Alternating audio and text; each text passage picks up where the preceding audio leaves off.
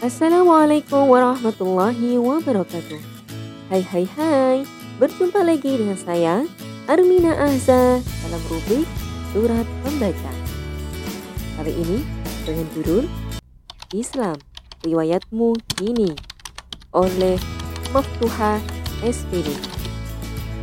Simak selengkapnya dalam podcast Narasi Pos, narasipos.com, cerdas dalam literasi media, bijak menangkap peristiwa kunci. Si A berkata, kerudung itu budaya Arab, gak usah ikut-ikutan budaya luar. Kemudian si B menjawab, agama kita memang turunnya di Arab, tapi bedakan dong antara budaya dan syariat. Kemudian si A, sudah deh, pokoknya jangan bawa-bawa budaya negara lain ke negara kita. Ternyata di momen yang lain, si B melihat si A memakai kostum Halloween. Yang semua orang juga tahu perayaan Halloween itu dari mana.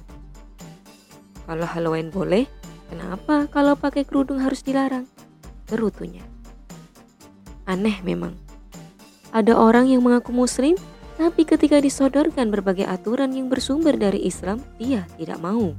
Kerudung katanya mengekang hak asasi manusia. Pakai cadar katanya seperti teroris. Syariat Islam dianggap intoleran. Tidak pacaran katanya kuno. Tidak seks bebas, tidak ngedrak, tidak korupsi dibilang sok suci. Lebih aneh lagi, ya muslim.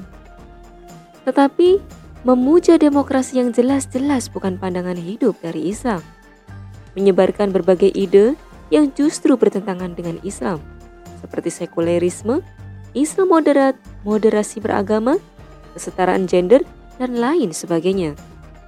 Kini semua lini telah disasar agar menyuarakan ide moderasi beragama.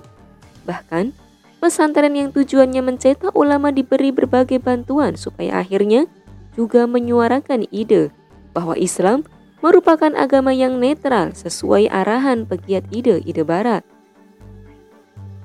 Padahal, ide seperti moderasi beragama justru menyebabkan seorang manusia tidak punya jati diri. Dia menganggap semua agama sama, sampai-sampai semua perayaan agama ia ikuti. Padahal KTP-nya Islam.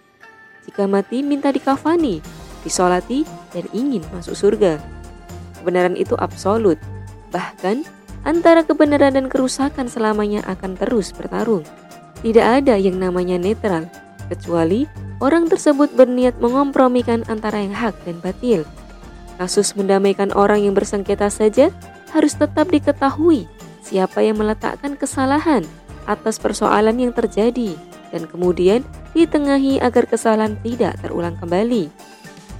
Jalan tengah seolah menjadi solusi, padahal pasti ada yang dirugikan. Palestina dan Israel, kalau dipikirkan dengan akal sehat, siapa yang salah?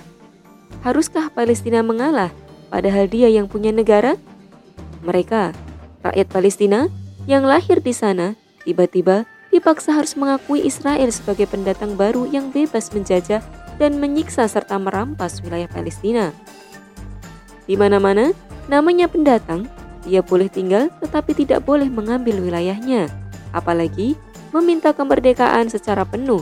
Tentu, ini irasional. Pemikiran memang sangat berharga, lebih berharga dari nilai materi apa pun. Sebuah negara boleh bangkrut ekonominya atau teknologinya, tetapi jika masih memiliki pemikiran-pemikiran mendasar terkait pandangan hidup, maka kebangkitan akan mudah diraih.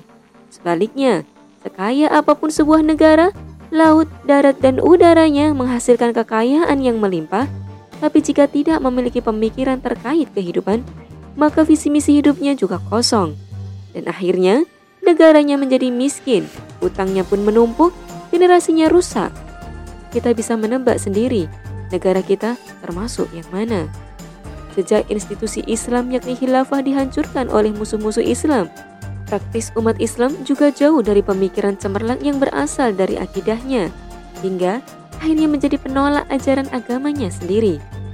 Berbagai racun pemikiran dari barat senantiasa di blow up, dan itu dilakukan oleh generasi muslim sendiri yang idealismenya sudah terbeli demi sepersen rupiah dan kekuasaan. Padahal Allah sudah mengingatkan bahwa kehidupan akhirat lebih kekal dibandingkan dunia dan penyesalannya tiada berguna. Sebagai seorang muslim, kita dituntut untuk selalu waspada serta bersabar dalam kebenaran walaupun berat. Dari Anas bin Malik radhiyallahu anhu, Rasulullah shallallahu alaihi wasallam bersabda, akan datang kepada manusia suatu zaman orang yang berpegang teguh pada agamanya seperti orang yang menggenggam bara api. Hadis riwayat Tirmidzi. Sadarlah bahwa sekeras apa pun usaha musuh-musuh Islam untuk membungkam kebenaran, namun kelak Allah akan tetap memenangkan yang hak. Karena itu adalah sebuah keniscayaan yang sudah dipersiapkan oleh Tuhan semesta alam, yakni Allah Subhanahu wa taala. Wallahu alam bisawab.